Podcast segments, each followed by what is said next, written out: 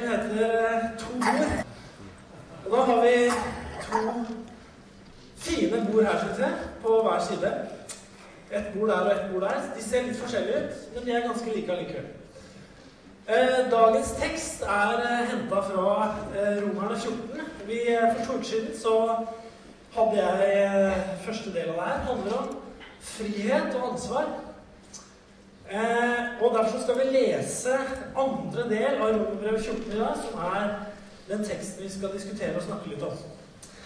Og Overskriften i, eh, i hvert fall i denne bibelen, er, eh, som eh, oversetteren har satt inn, er 'kjærlighetens lov'.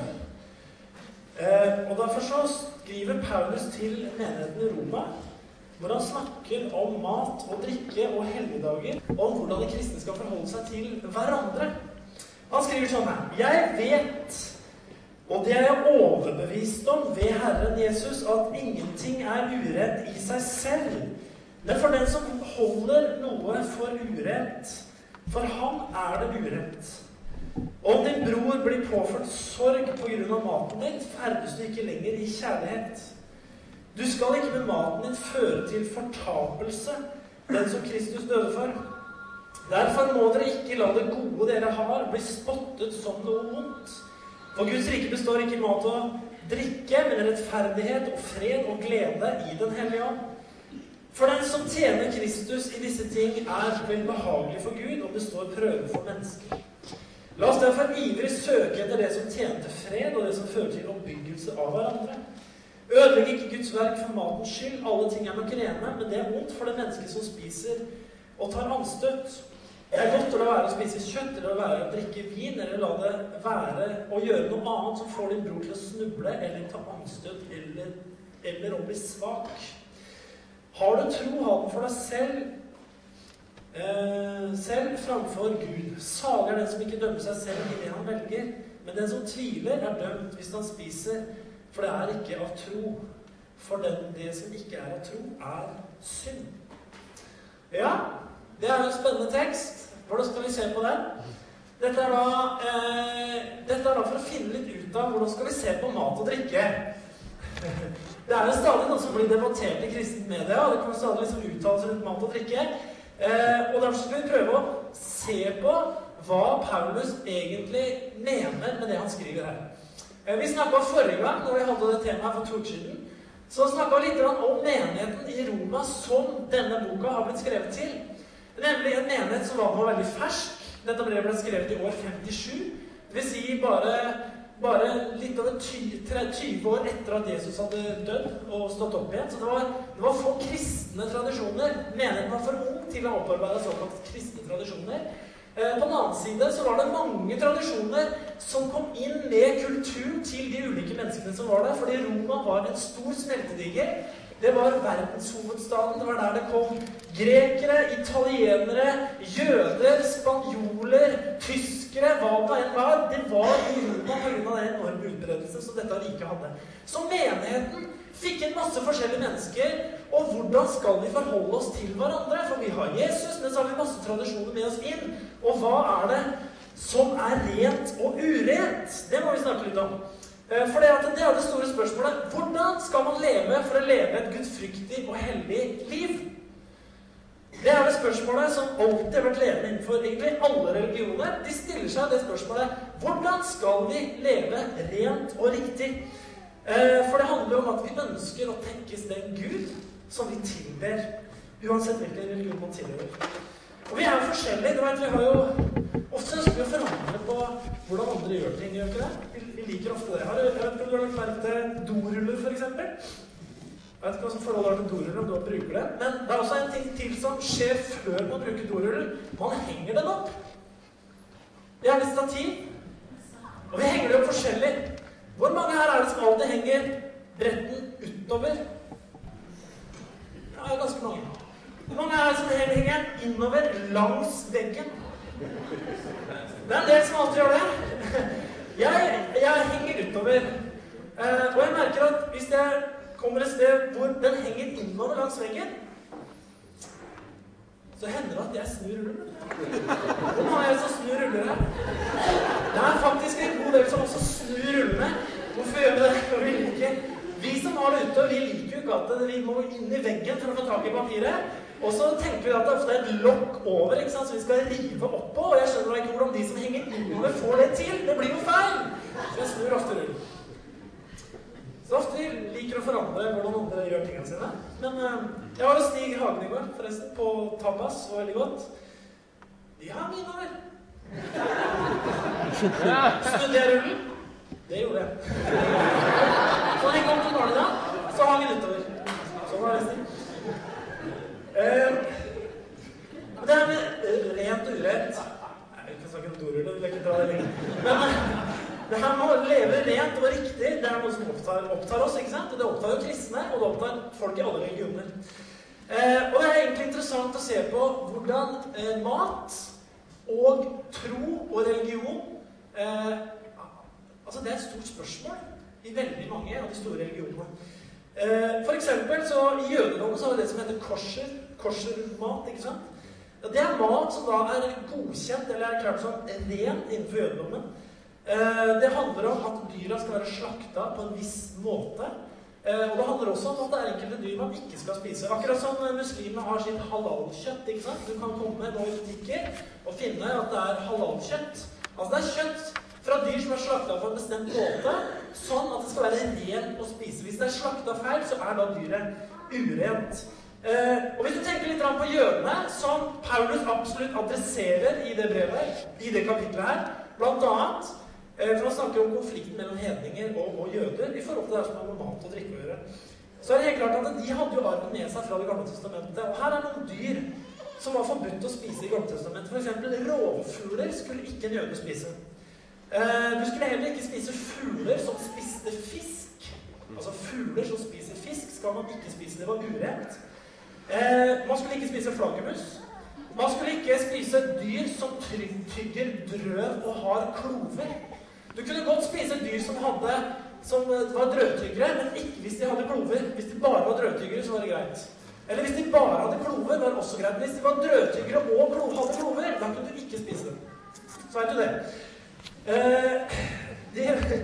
Du skulle ikke spise markkrypende dyr. Du skulle ikke spise kamel, gris, hare osv. Så, så mye mat som Gud sa i GT at de ikke skulle spise. Eh, det var regna som urent. Du skulle heller ikke drikke juice hvis ikke det hadde blitt tiende av den frukten som jusen hadde blitt pressa av. Den jusen skulle du heller ikke drikke. Så det var mange ting som hang med, og som da gjorde at ting var rent eller urent. Du må huske på at Jødene hadde også en tradisjon som kalles for nasirer-tradisjonen. Jeg vet ikke om dere har hørt om det begrepet. Men Samson han var en nazireer. Samson har dere hørt om han med lange håret? Eh, ikke sant? Eh, han var en nazireer. og det var en avtale man kunne gjøre med Gud om å inngå et nazireerløfte innenfor Gud. Eh, nazireer fra hebraisk nasir betyr utskilt. Fra gresk nasarios. Og det refererer til at man gir et asketisk løfte til Gud om å avstå fra flere ting. Eh, det løftet om å være nazirer, det, det, handlet om at man skulle avstå fra å drikke eller å konsumere vin og annen sterk drikk. Eh, man skulle også avstå fra å spise vindruer og rosiner. Det skulle ikke gi ut til barna dine, ikke sant? men det skulle nazirer. Han skulle avstå fra rosiner og vindruer. Eh, han måtte avstå fra å klippe håret på hodet. Han det står skrevet du skal la håret vokse og henge fritt. Eh, foruten at skulle man også unngå lik og gravsteder. Man skulle heller ikke gå på gravstedet til slektningen. En nazireer han skulle altså holde seg unna mange forskjellige ting. Dette løftet kunne man gi for en tidsbestemt periode, men aldri under 30 dager. Eh, og når man eh, gikk inn i det her, så skulle man eh, ta et jødisk et, et bad, et rituelt bad, eh, og gjøre tre ofringer. Eh, og På den måten så var det at Nazireen ble beskrevet som hellig for Herren. Samson var en sånn type som eh, gjorde det livslangt. Det fantes eh, nazireere som hadde et løfte på seg for hele livet. Han er ett eksempel. Men vi har også andre eksempel. Profeten Samuel han ble innviet med det samme løftet av sin mor. Og døperen Johannes var også nazireer. De holdt seg altså unna alle tingene her. Eh, Nyttestamentet forteller også at Paulus i Apostlenes gjerninger 1818 hadde tatt et sånt løfte på seg for en periode. I Apostelens gjerning 1818 så står det at Paulus ble der ennå en tid. Så tok han farvel med brødrene og seilte til Syria sammen med Priskilla og Akvilas. I Kenkre klipte han håret, for han hadde bundet seg med et løfte. Paulus hadde altså vært i en periode hvor han hadde tatt et nazinerløfte på seg. Han hadde holdt seg unna rosiner, holdt seg unna vindruer, han holdt seg unna vin og sterk drikk. Han hadde holdt, holdt, holdt seg unna gravplassene, eh, og han hadde ikke klippet håret. Han hadde blitt langhåra, men nå skulle han klippe seg. Nå hadde han avslutta den perioden hvor han hadde vært utskilt eller atskilt og levd asketisk for å innvie seg for Gud, er det mest sannsynlig. Eh, men Jesus, hva var det med han? Var han nazirer? Nei, Jesus var ikke nazirer i den forstand som, eh, som det her betyr. Men der er litt sånn ordspill som folk tenker litt forskjellig av. Men han blir kalt nazareer og det ordet på grunnteksten eh, har også noe med deres nazier altså Det blir brukt også som Davids rotskudd. Så Jesus, Jesus blir kalt nazareer selv om han ikke levde sånn. Og på den måten så peker på en måte Jesus på at man kan leve hellig og være innviet selv om man ikke lever etter disse ritualer. Det er mulig å leve India selv om man ikke lever visse ritualer. På samme måte som Samson skulle frelse Israel, så skulle Jesus frelse hele verden. I islam så er det også dette med halal. Det betyr godtatt. Det er godtatt kjøtt. Og så har du haram, som betyr forbudt kjøtt. Eh, som Koranen bestemmer. Eh, de fleste muslimer overholder forbud mot blodmat, svinekjøtt og alkohol. Eh, og kjøtt som spises, det må som sagt gjennom et visst slakterituale for at det skal være halal, altså godkjent kjøtt. I hinduisme så spiser man dette kastesystemet. Eh, kuer er hellige dyr, det vet vi. Det er forbudt å slakte kuer. Kuer blir sett på som menneskenes mor og er opphavet til alt liv. Og symbolene er sterke her i, i hinduismen med, med morskap, liv, næring, fruktbarhet, omsorg, en kjærlig mor. Eh, og de deler eh, De har også mat de ikke kan spise. Veldig mange av dem er vegetarianere. Eh, og hinduer kan spise kjøtt fra sau og kylling. Og de spiser etter tre, på en måte, tre prinsipper. De har det lette og lyse og blade, tenker de. Det kommer fra frukt, melk, smør, kokt kjøtt og lite krydder. Den artige, livlige og lidelsesfulle maten kommer fra løk, hvitløk, kjøtt, gjærende næringsmidler. Og den tredje kategorien mat jeg har, det er tunge, mørke, hemmende kost som er sur, bitter, salt og sterkt krydra. Eh, og man tenker at kost 2 gir vitalitet, økt energi og god helse og glede. Og kost 3 vil forstyrre kroppens balanse.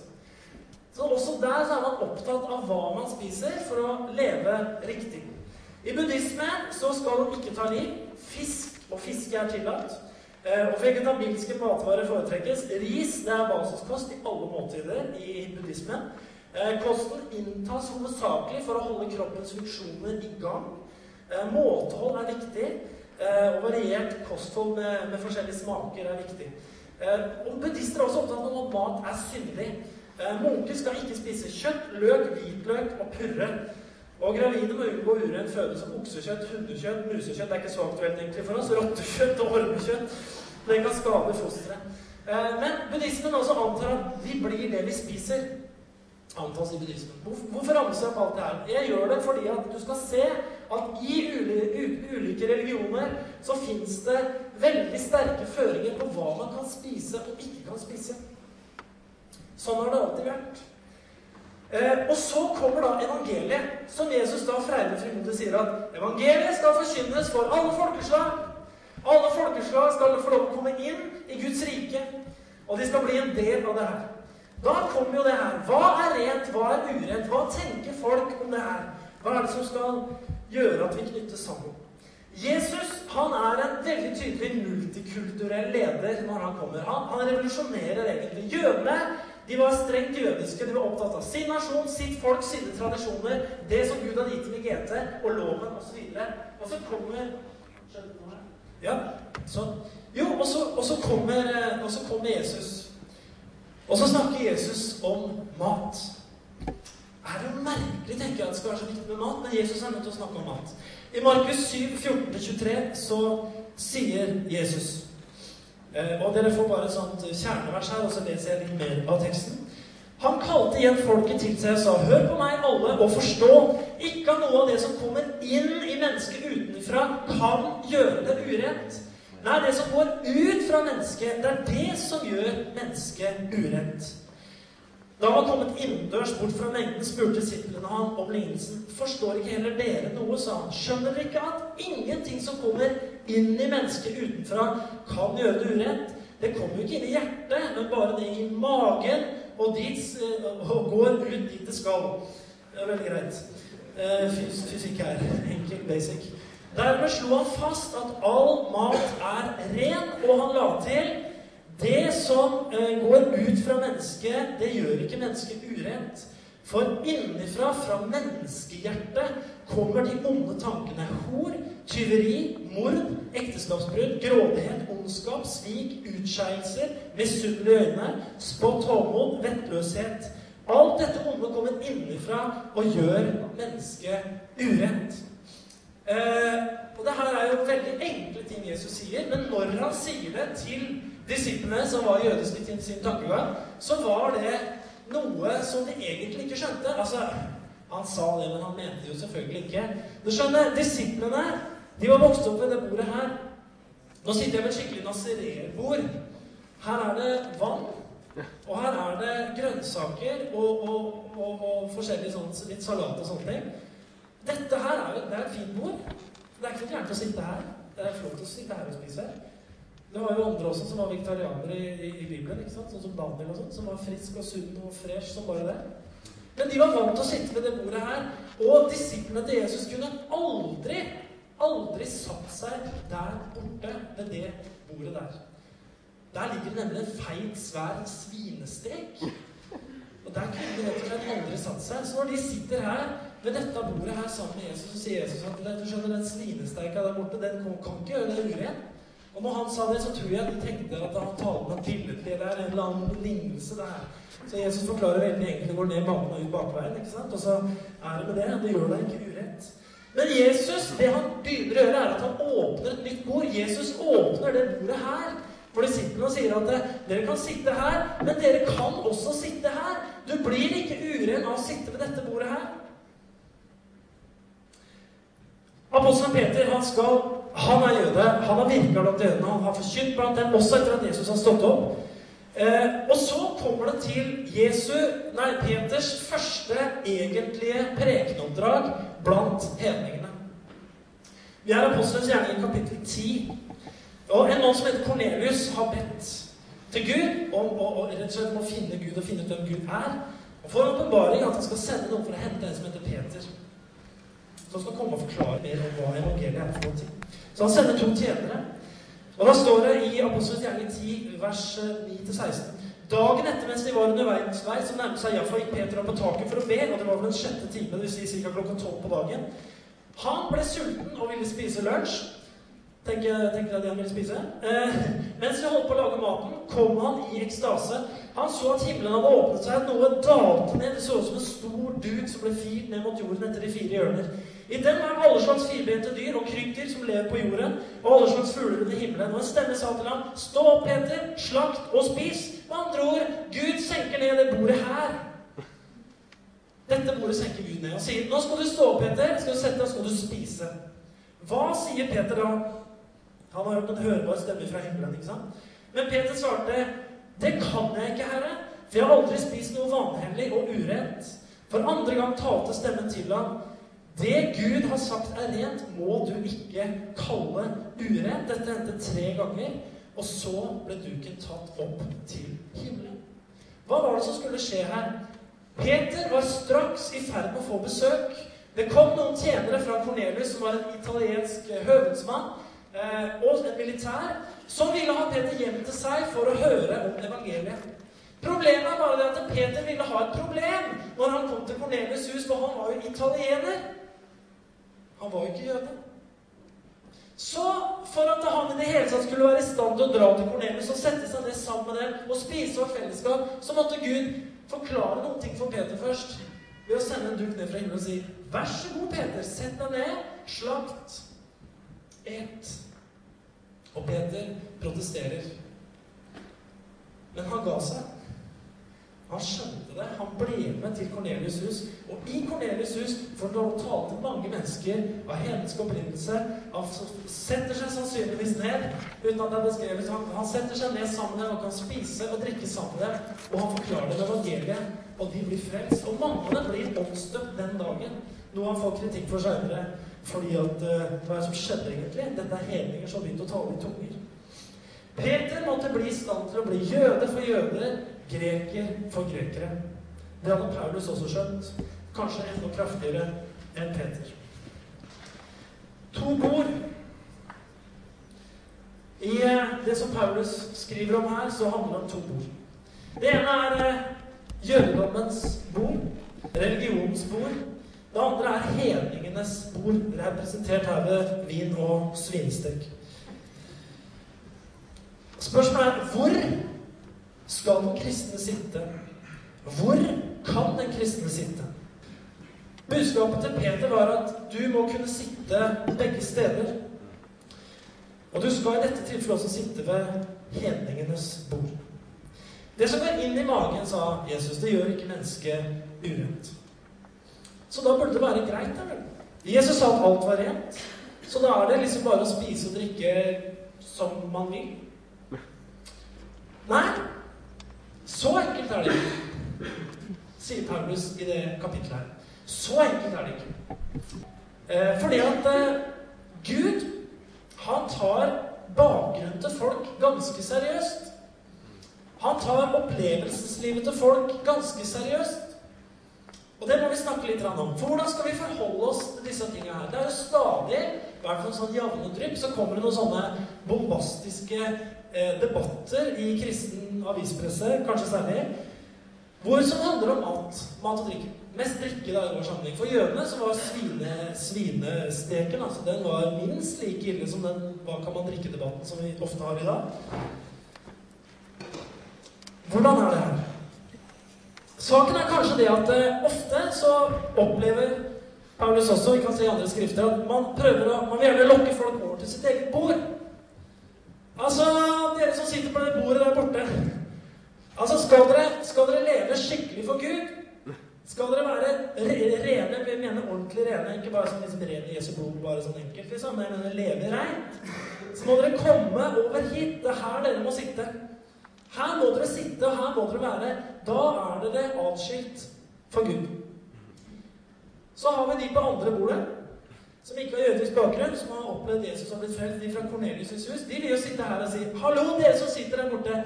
Dere er jo bare fullstendig loviske.' Altså, dere er jo helt, Det her har jo ingenting med frelse og hellighet å gjøre i det hele tatt. Det er her det er herlig. Det her, her er det frihet og glede og, og moro, ikke sant? Så det er hit dere må komme for å bli fri. Ja, ok.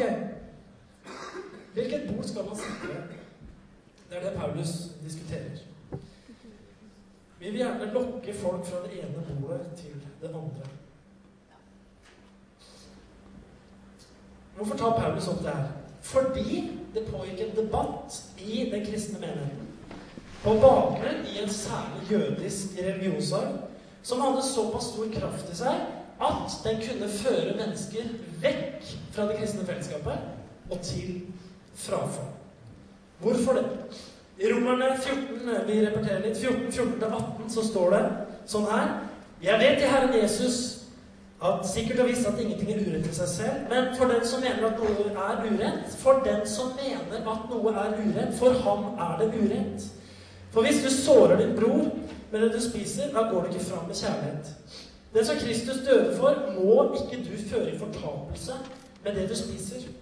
La ikke det gode dere har men dere eier, bli utsatt for spott, for Guds rike består ikke mat og drikke, men rettferdighet, fred og glede i Den hellige ånd. Den som tjener Kristus på denne måten, er til glede for Gud og blir respektert av mennesker. Ok, Han skriver her med andre ord at hvis du sårer, står det her. Men uh, i en annen oversettelse står det uh, det kan, dersom du vekker anstøt. Og så står det interessant Den som Kristus døde for, må du ikke føre i fortapelse med det du spiser. Uh, dette ordet som her er oversatt 'såre' eller 'å være til anstøt', det er det greske ordet 'lupeo'. Og det handler om, og det betyr egentlig å stresse eller å skape sorg. Være, bli, bli tung, bli nedfor, bli, bli lei seg og trist. På en veldig kraftig måte. Min farfar var pinsevenn. Han frykta Gud og levde et bra liv. Men han fortalte meg en gang Jeg jobba sammen med han. Hadde gleden av å jobbe sammen med min farfar en del år. En dag så var ute og kjørte lastebilen vår, så snakka han med et ektepar som, gikk, eh, som var metodister. Dette ekteparet hadde vært eh, gift i ja, sikkert 30 år. Det ekteparet ja, det hadde vært noe tur med dem. De var metodister, og de Og så sa han Jeg skjønner ingenting. Så. Jeg hørte at de og de, dette ekteparet, da, disse metodistene, at de er med på dansekurs. Jeg forstår ingenting, sa Nei, jeg visste ikke helt hva jeg skulle forstå ikke forstå, men jeg skjønte at det var veldig ille, da. Så han forsto ikke hvordan det gikk an å være kristen, og at dette ekteparet som har vært gift i 30 år, hadde vært på dansekurs. Jeg vet ikke om det var gammeldans eller breakdance, det skal man fram. Men eh, for han så var det eh, noe veldig trist og veldig leit som han fikk høre om, og som rysta han i forhold til hva det var å leve som kristen. Eh, poenget når det står her om å såre og om å vekke anstøt, så sier Paulus det kan føre mennesker til fortapelse. Det er med andre ord, det dreier seg om noe mer enn at du gjør noe som andre ikke liker. Det handler om noen mennesker som kan ta ting såpass ille at det kan føre dem vekk fra det kristne livet. Eh, det var sånn Einar Nymoen, pastor nede i Salum Sandefjord, fortalte meg Vi diskuterte noe rundt det her for en stund siden, så sa han det kom en dame til meg, hun hadde ikke skjønt hva Paulus egentlig skriver om her. For vi hadde et bordtennisbord, ikke i salen Sandefjord, det var tidligere i hans karriere. Hadde, de hadde et bordtennisbord bakerst i salen i møtelokalet, der hvor han tjente. Og så kommer ei eldre dame og sier det bordtennisbordet der, det vekker sånn anstøt hos meg, sier hun dama. Og da sier han til henne Nei, søster, det vekker ikke anstøt hos deg. Det bare gjør deg irritert. Du liker det ikke, men det vekker ikke anstøt hos deg på den måten Paulus snakker om. Fordi at det bordtennisbordet kommer aldri til å føre deg bort fra Jesus og inn i fortapelsen. Skjønner du poenget? Når Paulus snakker om anstøt her, så snakker han om at noen mennesker kan reagere på noen ting på en sånn måte at om du holder deg opp på trynet på dem, så kan de få en sånn sorg og en sånn tristhet, for det rammer deres forståelse og deres tradisjon såpass mye at de vil kanskje gi opp fellesskapet og forsvinne ut. Fortapelse. Jeg kan forstå for eksempel, Det har vært diskutert i Korsets seier, som er pinsevennenes organ. Lise Karlsen kom med et hjertesukk for en stund siden som har blitt referert mange ganger. Hvordan skal det gå når det kommer mennesker fra evangeliesenteret som har hatt en tungt belasta bakgrunn med alkoholisme, hvor de har opplevd at familien har gått i stykker, ektefellen har gått i stykker, man selv har gått i stykker Det har vært et helvete på jord. Så kommer de inn på evangeliesenteret. Det er krystallklart. Selvfølgelig avhold, fordi det er det man holder på med der. Det er å tørke opp folk og få dem fri fra den skitten som de sitter i, og få dem videre. ikke sant? Og så er de fri. Og så har man vært opptatt av Jesu frigjøring fra alkoholen og all forbannelse som er rundt og det ene og det andre. Man har kanskje et veldig sterkt språk rundt det også. Fordi at dette har vært hovedfienden nummer én i disse menneskenes liv. Det har vært alkoholen. Så kommer man ut, og så spør Lise Karlsen hvordan skal de nå kunne komme til våre forsamlinger der mennesker ikke er avholds lenger, hvor det ikke er et tydelig avholdsstandpunkt lenger? Hvordan skal de overleve? Og det er et legitimt spørsmål, men det er samtidig et veldig smalt spørsmål, fordi verden er større enn evangeliesenteret. Ikke sant? Men det er kanskje i en sånn sammenheng som vi kan forstå at en som kommer ut av det miljøet, som kommer ut av en sånn type livssituasjon, og på en måte sier 'Sitter du ikke ved det bordet her, så er du ikke fri', der kan det være en person som får en sånn type angst rundt det der. Og en sånn type sorg rundt det der at for han så kan det eventuelt gå gærent. Det er viss realisme i det. Ok, vi skal snakke litt videre. Når Paulus skriver om det her, så er det veldig tydelig at det er forskjellige praksiser i forsamlingen når det gjelder mat og drikke. Det er det Paulus snakker om og prøver å finne ut av. Hvordan skal dere forholde dere til at dere har litt forskjellige praksis på et område her? At dere kommer fra ulike kulturer, at dere har ulik bakgrunn, osv. Eh, det åpenbarer at det ikke er noe hemmelighold, Paulus sier, at det er forskjellig praksis. Han er åpen på at det er forskjellig praksis. Derfor så handler det om at Paulus vil gi oss noen orienteringslinjer. For det handler om at Gud har gitt oss frihet. Det handler samtidig om at vi er ansvarlige. Og det her tror jeg er veldig viktig. Jeg tror det er det Paulus prøver å løfte fram. Vi skal bevare friheten, men vi må også bevare ansvarligheten. Det er det han prøver å formidle hvordan vi skal gjøre det. Og jeg skal bruke noen minutter til på å prøve å finne ut litt av det. Jeg skal skynde meg. Eh, noen orienteringslinjer. Altså, Forståelsen er at det Gud har gitt oss i skaperverket, i seg selv er godt. Vi kan ikke gå i den fella og demonisere enkelte ting som Gud har gitt oss i skaperverket. Enten det er svinekjøtt eller vin eller vann eller salat eller hva det måtte være. I Salme 104, som noen kaller for en økologisk salme, så står det sånn her i vers 14 og 15 Salme 104, vers 14 og 15, så står det Du lar gresset gro for dyrene og for menneskene, vekster som de kan dyrke. Slik lar du brødet komme fra jorden, og vinen som gjør menneskene glade. Du lar ansiktene skinne av olje og gir brød som styrker mennesket. Du kan finne mange sånne typer vers i, i, i, i Bibelen, også i GT, hvor akkurat det her at slik lar du brød komme fra jorden, og vinen som gjør menneskene glade. Du lar ansiktene skinne av olje og brød som styrker menneskene. Altså Det Gud har skapt, er i utgangspunktet godt. Det er den bibelske forståelsen av skaperverket. ok? Uh, men så har vi det at Paulus røster fram prinsippet at du som er sterk, du må bære eller ta hensyn på en måte, på en riktig måte til den som er svak på et område. Eh, og Det er det vi kan kalle nestekjærlighetsprinsippet. I Romerne videre så kan vi godt si i det kapittelet, kapittel 14, 19-23, at mye handler om personlig overbevisning og faktisk Hør nå! Situasjonsbestemt praksis. Det vet jeg mange er imot, for de sier Når han dro til Syden, så han spiste svinekjøtt og drakk rødvin. Når han var hjemme, da gjorde han ikke det. Hør, da! Paulus skriver i disse siste versene Sånn her. La oss strebe etter det som tjener til fred og til å bygge opp fellesskapet. La oss strebe etter det. Riv ikke ned Guds verk på grunn av mat. Alt er nok rent, men det er galt om et menneske spiser slik at det blir årsak til fall. Skjønner du? Det er det han snakker om. Det blir årsak til fall. Om noen ikke liker at du spiser svinekjøtt, så er det en sak. Det må du gjerne få være uenig med deg. Men om du vet at det kan føre en person til fall så må du tenke på hva du gjør. Så sier jeg Derfor er det riktig å la være å spise kjøtt og drikke vin eller gjøre noe annet slik som fører din bror til fall. Den tro du har, skal du ha for deg selv, for Guds ansikt. Salig er det mennesket som ikke dømmer seg selv fordi han velger. Men den som spiser med tvil, er dømt fordi det ikke skjer i tro. Alt som ikke skjer i tro, er synd. Det verset har vi brukt i mange sammenhenger, men det handler om mat.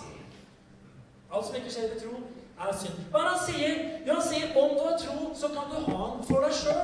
Du trenger ikke å gå og liksom gjøre verdens reklamekampanje for de som har vært på Evangeliesenteret, f.eks. Det er her det er frihet, vet du. Det er her du skal sitte. Du trenger ikke gjøre det. Hvis du har tro, så ha den for deg sjøl. Ok? Det er altså på en måte situasjonsbestemt. Ok, Så man skal ta veldig hensyn ja, Samtidig så sier jo, sier jo f.eks. Paulus til Timoteus offentlig i et brev at du kan ta litt vin for magen din fordi at du har så mye sykdommer og plager med den. Så han sier på et annet sted gjør det! Samtidig så sier han et annet sted at hvis det kan føre noen til fall, så vil jeg aldri røre det. Samtidig så ser vi en situasjon som jeg skal avslutte med, og det er i Galaterbrevet. Hva er det som skal være tyngst? Hensyn eller frigjøring? Hvordan skal vi balansere det? Det er en rent sånn avsluttende refleksjon ut fra et rent sånn misjonalt perspektiv. Vi fikk spørsmål i Hillsong London hvordan har det blitt så mange frelst osv. Et av svarene som eh, han klart Clark ga, var det at det har gått mange flasker vin. Ja, Det er jo et misjonalt perspektiv.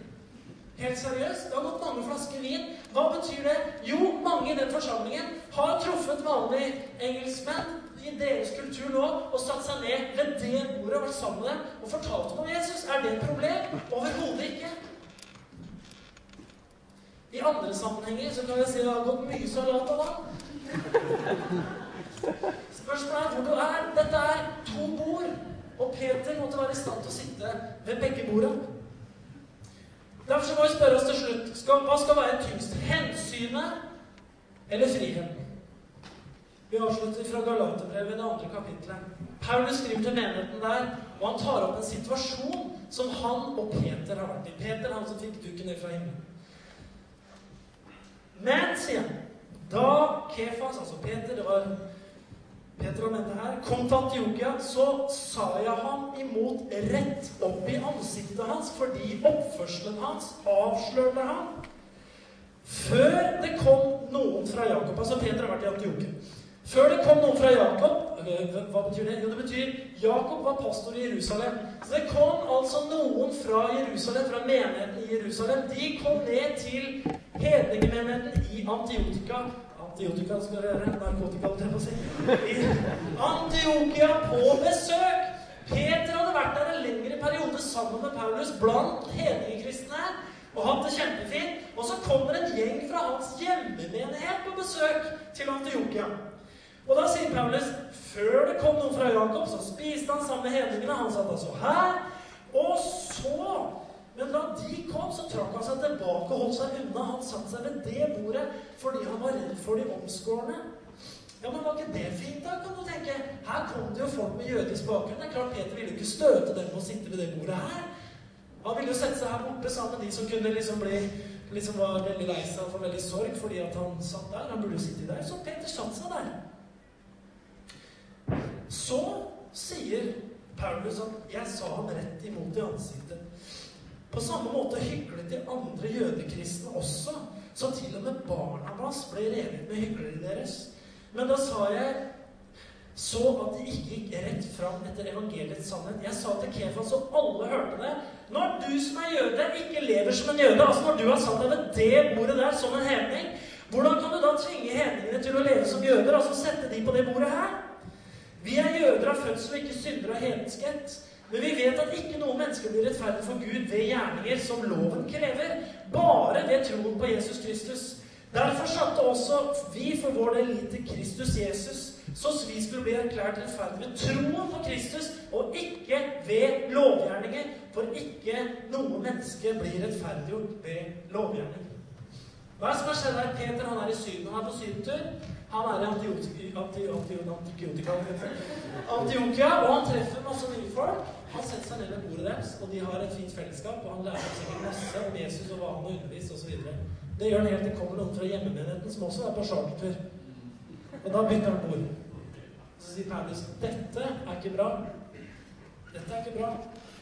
For det du forteller hedningene nå, som du har sittet sammen med 14 dager, det er at de må flytte over til det bordet der for å bli erklært rettferdige i Kristus Jesus. Han var redd for de som var omskårne. Og her handlet det ikke bare om mat og drikke. Det var også en kamp med omskjærelse, fysisk eller ikke. Dette, sier Paulus, dette er en helt måte som er helt feil å tenke hensyn på. For dette handler ikke om brødre fra Jakob som kommer ned som går fortapt fordi du sitter ved det bordet her. De kommer ned her irritert fordi du går inn i en annen tradisjon enn det de er vant til å si. De legger noe mer i bordet. De legger frelse i det bordet her, og de legger frafall i det bordet der. Derfor måtte jeg si Peter midt i ansiktet offentlig, så alle hørte Du går ikke riktig fram etter evangeliets ord. Derfor er det veldig forskjell på det her. Så hensynet handler ikke om å ta hensyn til tradisjoner som folk blir irritert på, men det handler om at det fins noen ganger mennesker som er i en sånn bakgrunnssituasjon at de kan miste motet, få en sånn sorg at de kan gå vekk fra livet i Gud. Det er det hensynet handler om. Ok? Uh, siste jeg skal si Jeg er litt på overtid, er derfor jeg har litt dårlig samvittighet nå. Før barna kommer ned. Som misjonærer så må vi kunne sitte ved begge bordene som Peter måtte kunne sitte i bordet. Vi må kunne være jøder for jøder og grekere for grekere. Men Gud har en oppfordring til oss gjennom Paulus. Ha stor respekt for at folk er forskjellige. Uansett om de sitter på om de er vant til det bordet eller det bordet, så forakt ikke, og døm ikke. Det var det han begynte dette kapittelet med, som vi så på for to uker siden. Dere som sitter ved det bordet her, sier Paulus i begynnelsen av kapittelet, dere skal ikke dømme de som sitter ved det bordet her. Og så sier han at dere som sitter ved det bordet her, dere skal ikke forakte de som sitter ved det bordet der. Det er innledningen på dette kapittelet. Amen? Jeg håper vi kan ta med oss det her, fordi for meg så er det et misjonalt budskap i den forstand at Gud han sa at evangeliet skulle til alle mennesker, alle tunger, alle kulturer, alle typer. Vi er løst fra de religiøse definisjonene på rent og urent når det gjelder mat og drikke og alt det her. Det er veldig klart gjennom Bibelen. Jesus har vist en ny levende vei. Jesus har åpna begge borda. Og Jesus ønsker alle velkommen til et nytt bord, hvor vi kan spise og drikke ham og bli felles gjennom hans blod. Og det alene gjennom forsoningen som Jesus gjorde. Det er hele poenget. Og det nye bordet det skal vi få lov å samle oss med her neste søndag, og vi ønsker deg veldig velkommen til det. Jeg tror vi skal ta oss og reise oss opp, og så skal vi be en bønn. Herre Jesus, vi priser deg for at du åpner en ny og levende vei like inn for tronen gjennom forrige, Herre. Vi takker deg, Jesus Kristus, fordi at du bana den veien sånn at alle folkeslag, fra alle kulturer, fra alle tungemål, med alle bakgrunner og alle tradisjoner, vi skulle få lov å komme til deg ene og alene av ditt blod og av ditt frelsesverk. Og så takker vi deg, Herre, at du vil legge ned i oss som forsamling stor visdom, stor raushet i forhold til de to borda som du forteller om, som også vi også, Herre, opplever at det blir diskutert i den tida som vi lever i. Herre, la oss få ha rausheten, la oss få ha ansvarligheten, la oss få ha friheten, og la oss få lov å følge en oppfordring som det står om her, at vi gjør alt det som tjener til fellesskapets oppbyggelse i Jesu Kristi navn. Kan du si amen til det? Amen. Jeg er veldig glad for det. Da takker jeg for meg, og så